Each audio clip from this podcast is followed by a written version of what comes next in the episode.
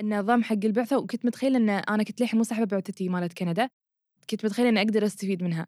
فخلوني أسحبها دفعت غرامة بعدين قدمت على غرامة كم؟ 150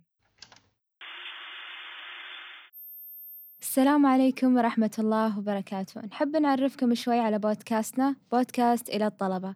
اللي نهدف فيه إلى مشاركة تجربة الطلاب من مختلف الجامعات والتخصصات. وبهذه الحلقة راح نتحدث عن مشاعر التخرج وعملية التقديم والتخصصات وحتى عن النصائح اللي توجهت لنا وهل فعلا استفدنا منها أو لا. معاكم مضاوي السعيدي طالبة أدب لغة عربية من جامعة الكويت. موضي طالبة علوم حاسوب أدرس في جامعة الكويت. وضيوفنا؟ معكم آمنة العجمي خريجة هذه السنة من كلية الحقوق جامعة الكويت. اليوم راح أشارك معكم تجربتي في هذا التخصص. آه، معاكم منيرة الكندري طالبة طب في الجامعة الأردنية. أهتم بقضايا التعليم وتحسين الجودة وأحب إثراء عقلي بالمعلومات ونفسي بالمهارات. أسعى لتحقيق وتعزيز الأخلاق والمبادئ الإسلامية الجميلة. آه بداية شنو كان إحساسكم وقت التخرج؟ نبدأ مع منيرة. صراحة كان شعور غريب يعني مزيج بين مشاعر الفرحة والسعادة يعني بلذة الوصول لخط النهاية وبنفس الوقت خوف وقلق وترقب للبداية الجديدة للحياة الجديدة الجامعية. أتفق مع منيرة. يوم تخرجت من الثانوي كانت مشاعري متلخبطة يعني ما بين التوتر والخوف من المرحلة اللي إحنا مقبلين عليها مرحلة جديدة ألا وهي الجامعة. ولكن الحمد لله مشاعر الفرح والسعادة هي اللي كانت مسيطرة في البيت. مضي قبل أربع سنين لما تخرجت كنت متجهزة إني أنا أطلع مشوار. وأنا قاعدة أجهز جتني رسالة إن أنا الحمد لله تخرجت. بشكل غريب شفت الرسالة وبشكل غريب طلعت مع حق مشواري بدون أي إحساس. آمنة؟ إحساسي خلاص فكرة إن إحنا دشينا حياة الكبار وإنه ما في مسؤولية كثر المسؤولية اللي كنا شايلينها أيام الثانوي. وأيضا توقعت إن الجامعة هي عبارة عن آيباد وقهوة وخلاص توقعت إن الدنيا بتكون وناسة ولكن ما كنت مدركة كمية المسؤولية اللي بتكون أكبر أكثر من المسؤولية اللي كنا شايلينها بالثانوي. زين عندي سؤال. متى أكثر وقت اشتقتوا فيه حق الثانوي؟ آه بالنسبة لي أكثر وقت أشتاق فيه للثانوي هو الجو اللي كنا مسوينه وكنا كأننا أسرة واحدة يعني عكس الجامعة يعني. منيرة أه وقت ال- كل الوقت اللي هو ما نحس فيه بالمسؤولية و- والحين بالجامعة يعني مع موسم الامتحانات أتذكر أيام الثانوية لما كنا أه يعني ما نحس ب- بقلق ولا خوف عادي يعني درجاتنا عادي كانت مضمونة. إيه أنا نفسك وقت الاختبارات يعني أقول إن ردوني حق الثانوي لو سمحتوا آمنة. أنا بالنسبة لي كل شيء خارج جو الدراسة يعني الفرص الاحتياط وغيره فما كنت أحب الدراسة كلش. أوكي نجي على السؤال الثاني. هل التخصص والجامعة اللي قدمتي عليها نفس التخصص والجامعة اللي اخترتيها الحين؟ آمنة؟ طبعا تخصصي هو آه، كلية الحقوق بجامعة الكويت كانت رغبتي الأولى وما كان في عندي رغبات ثانية بصراحة. يا حقوق يا حقوق. أيوة بالضبط. والرغبات الثانية أساسا اللي حطيتها ما كانوا رغبات أساسية وهذا الشيء أنا ضده. أه طبعا وقتها كان في قدرات ولكن حاليا أنتم ما عندكم قدرات بالنسبة حق هذا التخصص حتى نسب القبول تنزل آه، في كل فترة تقديم مضاوي؟ بالنسبة لاختيار التخصصات أنا أحس إن التخصص هو اللي اختارني مو أنا اللي اخترته. ليش أقول هالشي؟ لأن أولا أنا بالثانوي كنت علمي مو أدبي وأحب المواد العلمية مثل الأحياء والكيمياء كنت أحب آه، جدا الكيمياء. وعلى أساس إني أدخل يا صيدلة أو طب أسنان والحمد لله نسبتي كانت دخلني هالشي. ولكن آه، من وأنا صغيرة كنت أحس إن اللغة العربية هي الشيء المقدر لي. حتى وقت التسجيل آه، في الرغبات الثلاثة اخترت لغة عربية لغة عربية لغة عربية. والحمد لله انقبلت بالشيء اللي أنا بيه ولو يرجع فيني الزمن ما راح أغير اختياري. أه بس مع ذلك أنا ما أنصحكم تسوون الشيء اللي أنا سويته. تصرفي صح بالنسبة لي لأني أنا أعرف قدراتي وأعرف الشيء اللي يناسبني والشيء اللي يناسبني مو شرط إنه يناسبكم أيضا والعكس صحيح. ومع ذلك أه أنا مع أن تكون خطتكم مرنة وكل ما كانت مرنة كل ما كان أفضل لكم. بمعنى مو إذا ما انقبلتوا بالتخصص اللي أنتوا تبونه خلاص تستسلمون. وبدال ما يكون عندكم خطة ثانية يكون عندكم أكثر من خطة بديلة. وأهم شيء إنكم تجربون جربوا كل شيء وإذا ما لقيتوا التخصص اللي يناسبكم بالكويت وعندكم المقدرة المالية جربوا قدموا برا. ومنيرة؟ بالنسبة لي كان آه، اختيار التخصص شيء ثابت وواضح ما كان في عندي أي شكوك أو تردد. كان هو طب آه، سواء آه، خارج الكويت أو داخل الكويت. بالنسبة إذا كنت راح أنقبل داخل الكويت كنت حاطة رغبتي الثانية كلية العمارة. بس هذا شيء يعني ما صار كان بس مجرد آه، يعني أفكار آه، يعني خ- خطط بديلة. آه، كان الشيء اللي استصعبته واللي واجهت فيه وايد يعني خلينا نقول عقبات اللي هو اختيار المكان المناسب وخطط بديلة حق وين أنا راح أدرس طب. فيعني كانت رحلة طويلة جدا. حلو. أنا بالنسبة لي الجامعة كان عندي ثلاث خيارات. الأولى جامعة خاصة ثانية جامعة خاصة الخيار الثالث والأخير بعثة. لأن الخيار الأخير في شر نسبة طلع من خيارات وبقى عندي خيارين. دقيت على الجامعة الخاصة ألو السلام عليكم. إذا أنا بقدم عندكم شلون الطريقة؟ كانوا يعرضون علي لائحة طويلة عريضة من المستندات والاختبارات. لما قالت اختبارات وأنا توني طالعة من فاينل فقدت الشغف بالتقديم. وقدمت على جامعة الكويت وأنا بالبيت مع أن سبحان الله جامعة الكويت ما كانت من خياراتي. نجي على التخصص. بالنسبة للتخصص كنت محددة من زمان أن أنا التخصص اللي أبيه يكون بالكمبيوتر. أي شيء بس بالكمبيوتر. آه خلينا نتكلم شوي عن عملية التقديم والنصائح اللي توجهت لكم هل فعلا استفدتوا منها موضي؟ أوكي على التقديم مثل ما قلت قدمت بالبيت ما أخذ معي نص ساعة لما نجي على النصايح أكثر نصيحة أخذتها أن جامعة الكويت مضمونة بالنسبة للوظيفة بس ما حد قال لي طريقة الدراسة ولا توزيعة الدرجات ولما قبلت رحت الجامعة رسوم كانت عشر دنانير بس وسويت جدولي وطلعت الهوية الجامعية بأقل من ساعة آه آمنة؟ آه، بالنسبة حق التقديم حق كلية الحقوق كان الموضوع حيل بسيط مثل ما ذكرت سابقا آه، كان في قدرات ولكن حاليا ما في قدرات. بس لو بنصحكم نصيحة لأن أنا كانت فكرتي حيل سطحية عن هذا التخصص أنتوا لازم تبحرون في أعماق التخصص ولازم ما تكون فكرتكم سطحية مثل فكرتي سابقا. ولازم ناخذ فكرة شاملة عن التخصص. لو بنصحكم نصيحة لا تاخذون تخصص واحد أساسي فقط لازم أقل شيء يكون عندكم تخصصين إلى ثلاث تخصصات أساسية مو احتياط. لأن لو بتكلم عن نظرتي أنا كنت ماخذة فكرة إنه خلاص حقوق هو أول رغبة لي. آه، باقي التخصصات اللي أنا حطيتها ما كانوا أساسا ما كنت ملمة فيهم ولا كنت فاهمة فيهم ولا كنت أبيهم أصلا. فنصيحتي لكم لازم يكون عندكم تخصصين إلى ثلاث تخصصات أنتم تبونهم تخصصات أساسية مو احتياط ولازم تكونون عارفين بشكل نقدر نقول شامل 90 99% عن تخصص الكلية نظام الجامعة اللي أنتم راح تقدمون عليها. فهذا الموضوع بالنسبة لي حيل فرق لأن ما كنت أدري أساسا أن نظام الكلية يعتبر نظام سنوي مختلف عن باقي الكليات اللي هو نظام الكورسات. وفي شغلة ثانية حيل مهمة أيضا فكرة أن أنا أحول من الكلية وهذا بالنسبة حق كليتي أنا.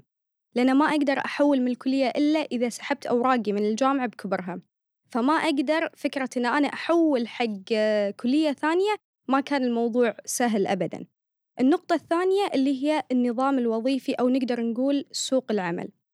بالنسبة حق سوق العمل لازم يكون عندي أيضا فكرة عن التخصصات المطلوبة آخر خمس أو عشر أو خمسة عشر سنة على الأقل التخصصات اللي مطلوبة في سوق العمل. ما يصير أنا آخذ تخصص حتى لو التخصص أنا أحبه ولكن هذا التخصص ما هو مطلوب في سوق العمل وأدري أن أنا راح أقضي باقي السنوات بعد التخرج بالبطالة على تخصص بس لأن أنا أحبه.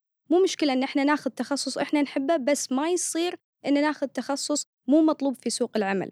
يعني حتى لو مطلوب على الأقل مثل ما ذكرت آخر عشر سنوات.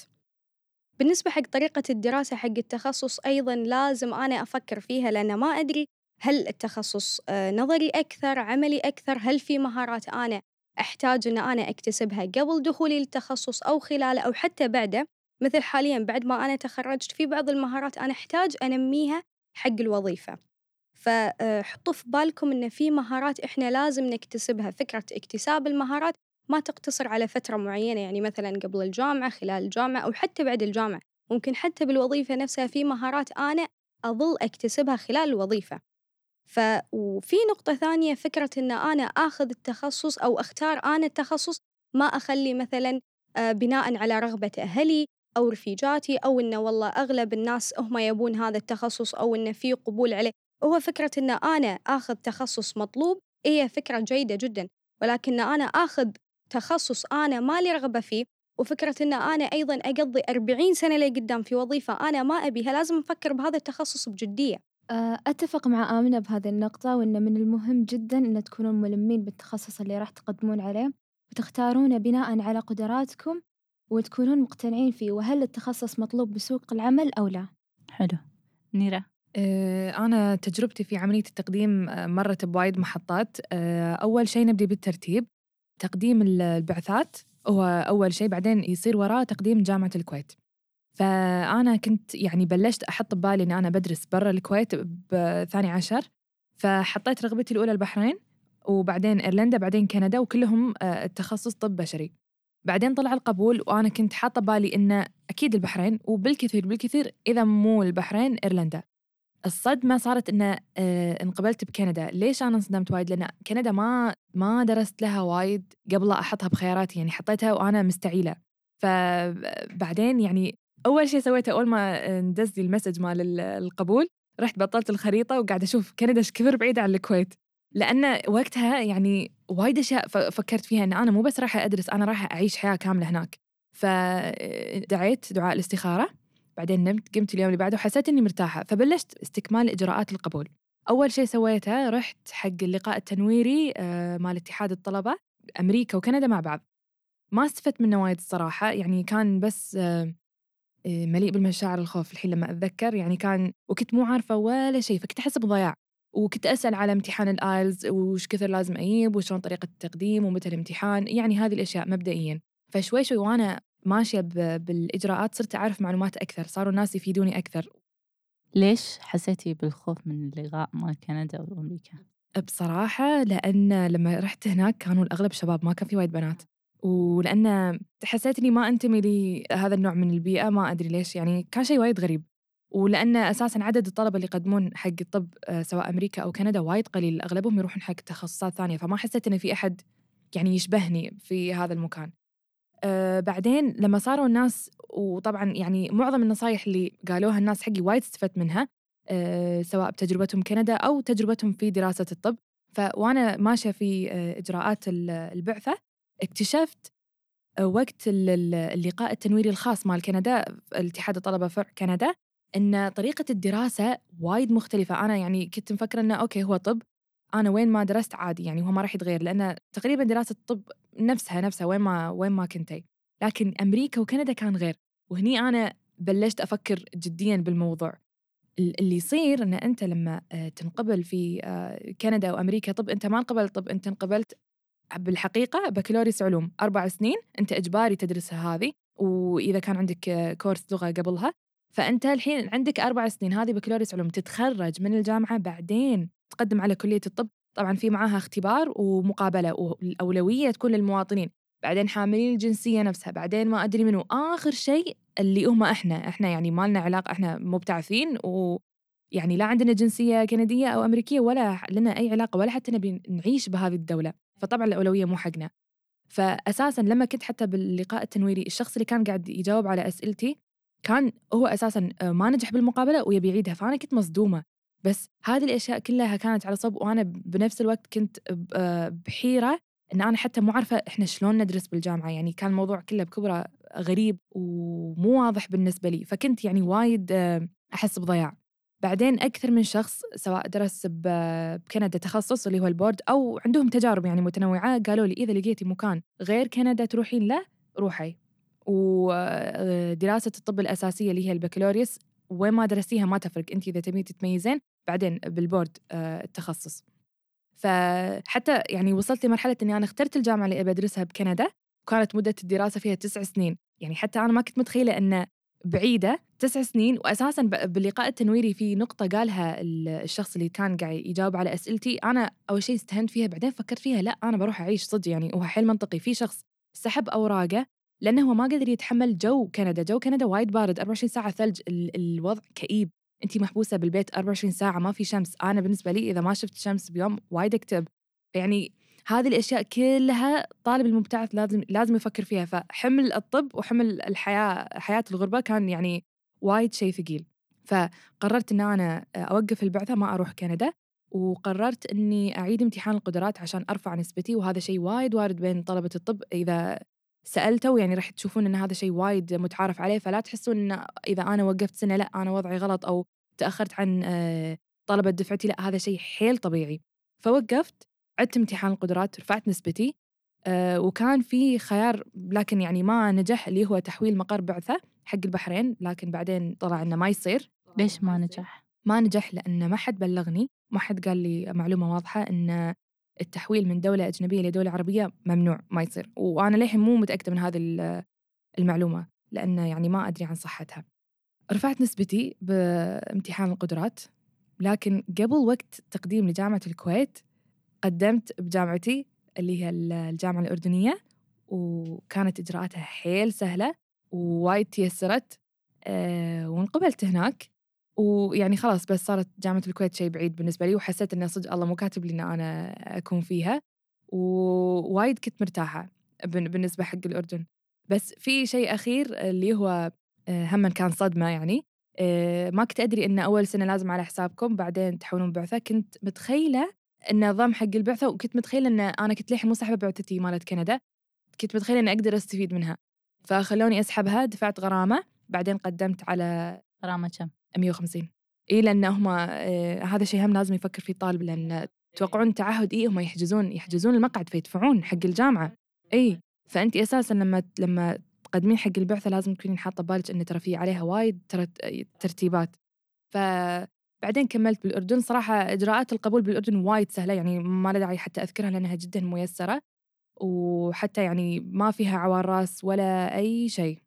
زين ليش اخترت الجامعة الأردنية؟ كنت بين الجامعة الأردنية في عمان أو جامعة التكنولوجيا في آه، إربد بس آه، فضلت جا- الجامعة الأردنية لأنها في العاصمة آه، ولأنها حيوية أكثر ومستواها أقوى والهيئة التدريسية في كلية الطب وايد أحسن صراحة يعني أنا وايد أحبهم وأستفيد منهم يعني إيه لهذه الأسباب وشلون قدمتي؟ منو اللي ساعدك إن أنت تاخذين قبول من الجامعة الأردنية؟ مندوب مندوب يسوي لك كل شيء وانتي مريحة راسك انتي حتى بالكويت ما له داعي تسافرين ولا حتى في إن تطلعين فيزا أو شيء يعني تروحين بدون فيزا. آه كانت الإجراءات يعني حيل سهلة بس الشرط إن انت نسبتك تكون 90 وفوق والمندوب يروح يخاطب ال- ال- الجامعة. لكن أنا عن نفسي لأنه كان مو بعثة فخطبت الجامعة بس إذا إذا يصير إن أستفيد من بعثتي مالت كندا لكن قالوا لي إنه ما ما منها أي فائده فسحبتها وكملت إجراءاتي بالأردن وكانت يعني حيل طبيعية. زين. الحين بالأردن أنت قلتي إنها 90 وفوق صح؟ يعني أقل شيء 90 في إذا تب- تبين آه انت نسبتك أقل 85 وفوق إذا هو اللي هو أول سنة على حسابك بعدين تحولين بعثة أنا على دفعتي لا أنا ما بالبعث أنا بالقبول من الجامعة نفسها من الجامعة نفسها كم نسبة؟ غير في في نظام في نظام اللي هو الطلبة العاديين اللي هم المواطنين وفي نظام الطلبة الدوليين غير يعني أي الطلبة الدوليين شلون؟ ما أدري عن الدول الثانية بس إحنا حق الكويتيين 85 وفوق. من الملحق الثقافي هذا الشرط؟ اي تمام. حلو. وإلى هنا وصلنا لنهاية الحلقة. نحب نشكركم على استماعكم لهذه الحلقة وأتمنى أنكم استفدتم من تجاربنا. ونشكر ضيوفنا الأحباء منيرة وآمنة على مشاركتهم بهذه الحلقة. وإذا عندكم أي أحد متخرج ومقبل على المرحلة الجامعية شاركوا هذا البودكاست معه وترقبوا التفاصيل الجامعية اللي عشناها والمعلومات المغلوطة عن الجامعة بالحلقة الثانية. مع السلامة.